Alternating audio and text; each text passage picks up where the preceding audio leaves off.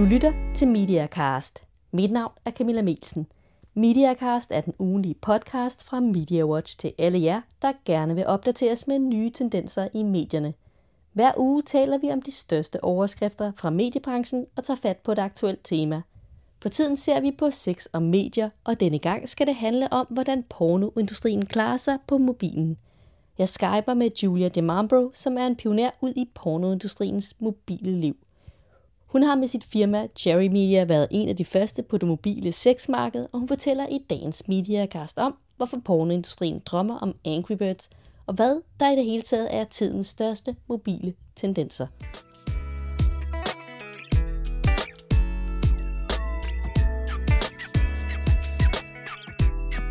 Men først skal vi se på nogle af de største overskrifter i den forgangne uge i mediebranchen. Tine Bredgaard Hansen, du er journalist på Media Watch. Hvad har der været af nyheder i ugens løb? En af de lidt mere underholdende historier, der har præget ugen, det har jo nok været den her øh, mail- og Facebook-udveksling mellem øh, Lasse Jensen, der er vært og journalist på Mennesker og Medier på B1, og så øh, Michael Bertelsen og Mads Brygger, som jo er øh, programredaktør eller kanalchefer øh, på øh, Radio 24 Og øh, de har jo simpelthen købt, kørt en ordkrig om, øh, hvorvidt øh, Radio 24 er, øh, er en, en katastrofe på linje med IC4-toget, eller om det i virkeligheden er en, en stor gave til lytterne. Øh, så, så det har præget debatten.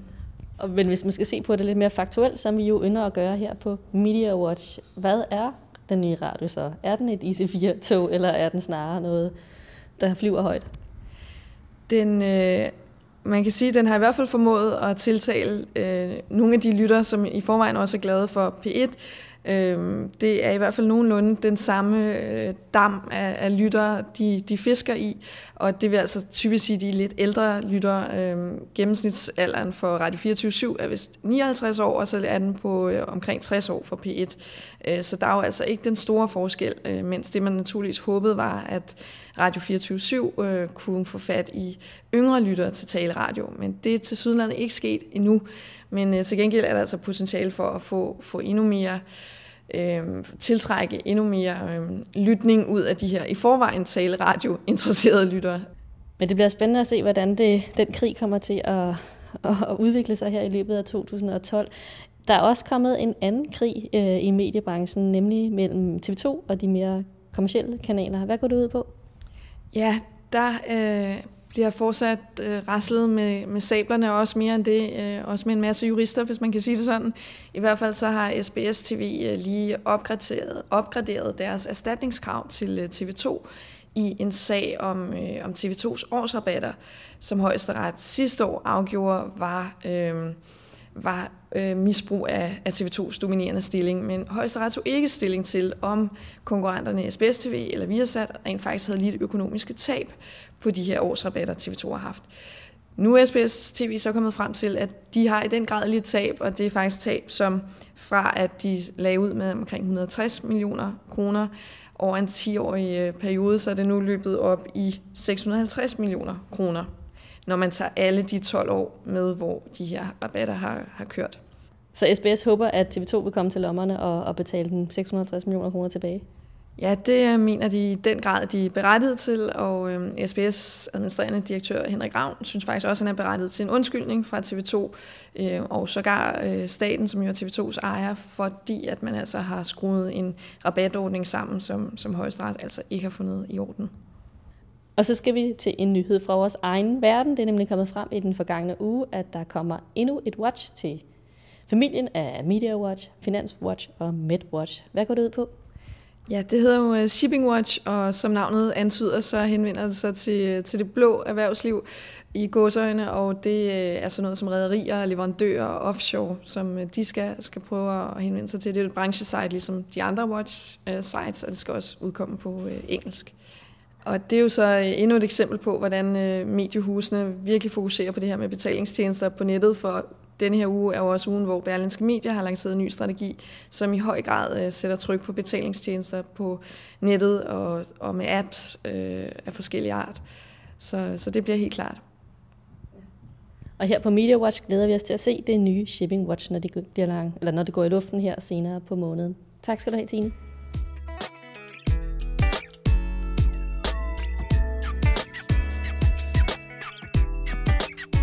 Sexbranchens hede drøm hedder Angry Birds. Der er ingen over Angry Birds, når det handler om at lave en god forretning omkring en applikation. Mange jagter i dag kommersiel succes med nye apps, men endnu er det kun lykkedes få at tjene gode penge på det. Sexbranchen har traditionelt været en first mover, når det gælder nye medier. Man siger, at det er på grund af porno, at VHS vandt videokrigen over andre spillere. Man siger også, at det er takket være sex, at internettet er blevet en så kæmpe, gigantisk succes. Men når det gælder applikationer, er det ikke porno med nogle sure fugle, der er first movers. Hvorfor? Umiddelbart kunne man forledes til at tro, at det er Apple, der stopper sexbranchen med de strikse krav til nøgne kroppe i App Store, men spørg mig en af de mobile pionerer, er Apple ikke hindringen. I dag er der en masse måder, man kan komme uden om Apples krav på, f.eks. ved at kode i HTML5. Problemet er, at det i det hele taget er svært at tjene penge på apps. Det mener ugens gæst Julia fra Cherry Media. Da jeg med hende, spurgte jeg hende om, hvad sexbranchen vil have, når det gælder apps. But one of the things that sort of makes me laugh, and I have actually had this situation, I've gone to a very, very large, um, globally renowned adult brand, and they've gone right, Jules. We want we want an application, and I've gone okay. So um, what what kind of application do you want? Oh, we want something like Angry Birds, and you're thinking, okay, right, how do you turn Angry Bird?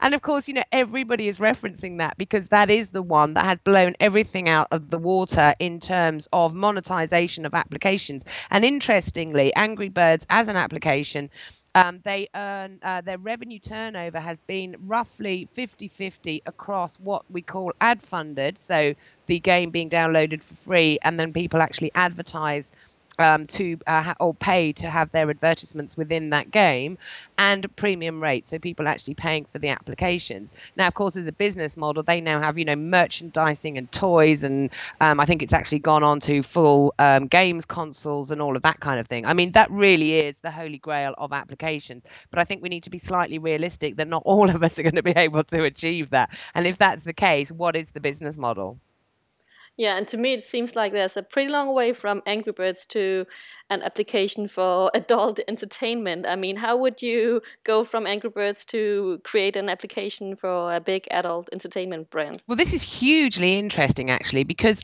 adult, the adult entertainment industry generally, although whether you like it or you hate it or you're for it or you're against it, one thing that most people will give it respect for is that it has uh, a very good and stable footprint in identifying identifying commercial models in new media and technology channels. And it's very innovative in the way that it reaches the existing demand of consumers that it has with all the regulatory restrictions that it faces.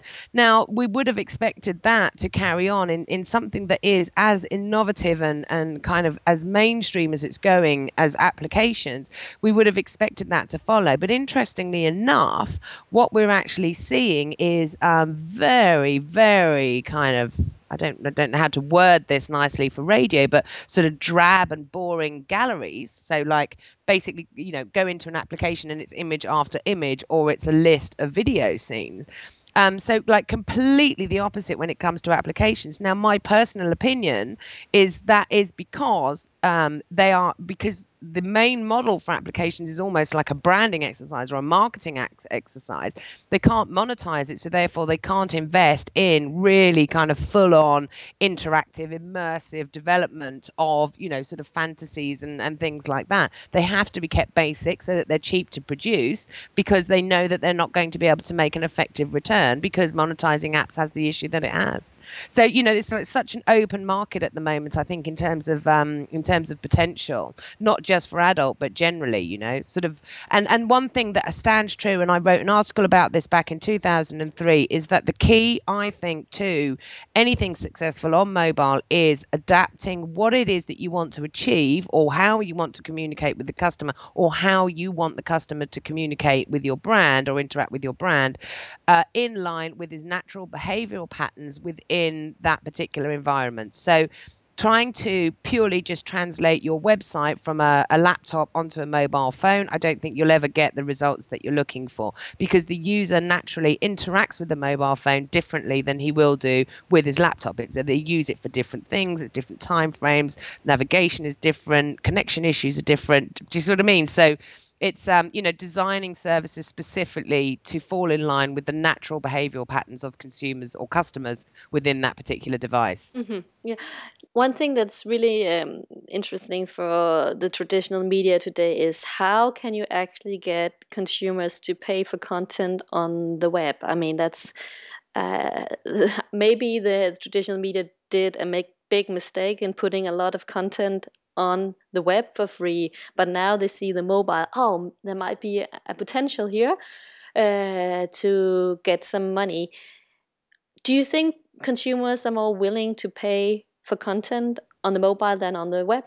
Um, uh, yes, I mean at the moment, yes, but I think the two are converging at such a rate that you will face the same issues eventually. Now, um, you can again, you can refer to the adult industry for this as a case study because um, the internet, obviously, for the adult uh, industry per se, was just phenomenal. I mean, just it was just incredible. And uh, over the years, um, we've had the introduction of what we call tube sites, which are uh, obviously free content, and then the business model is to sell the traffic coming into those sites. Now, that's literally over the last couple of years ripped out the bottom of the adult uh, entertainment industry, and uh, people who were generating millions and millions and millions a couple of years ago are now really sort of struggling to, you know, they've laid off staff, and there's a big issue within the adult industry because of these YouTube sites. Now, this is already starting to happen in mobile because obviously, with the mobile medium, you have accessibility. Mobile works very well with the adult industry because arousal is impu- impulsive by its very nature. And before, where you had to sort of wait until you get home or wait until the wife and kids are in bed to, to go onto your favorite website, now you obviously have a personalized device with you at all times. Um, so it is moving to mobile. So it's something that we are um, already sort of having to address. I think in terms of um, you know how you charge for content, whether it is online and now moving into mobile, whilst you will have a window of opportunity, it's probably leveraging that opportunity now whilst it exists to generate customer loyalty in some shape or form and generate your customer base, which means, and when I say your customer base, I mean by collecting, you know, their their their data in terms of email addresses, phone numbers, and offering a genuine value for service. Uh, uh, sorry. Uh, value of service. So something that appeals to them, something that is refreshed and interesting, something that answers an issue that they have in their life. I think if you're just, you know, spamming them with something that has nothing to do with them or interest them, then obviously, you know, monetization is always a lot more challenging. Yeah, yeah. So, but what kind of content do you think the consumers are most willing to pay for when it comes to mobile media? Uh, well, for uh, for adults specifically, it would be uh, any kind of sort of live chat service, and we're moving more and more away from things like images to longer and longer video content. Um, so mobile TV, broadcast, uh, things like that. Um, for non-adult content, things like uh, anything that is games and entertainment generally is increasing tenfold via the mobile device, and in fact. Um, uh, websites now, on average, and this is not just adult, this is non adult as well, are recording uh, anything between a sort of 5% and a 35% uh, traffic percentage coming from mobile devices instead of fixed line internet. So if you have any kind of website or any kind of service online and you don't have a mobile version, then you could actually be genuinely losing customers on account of it now.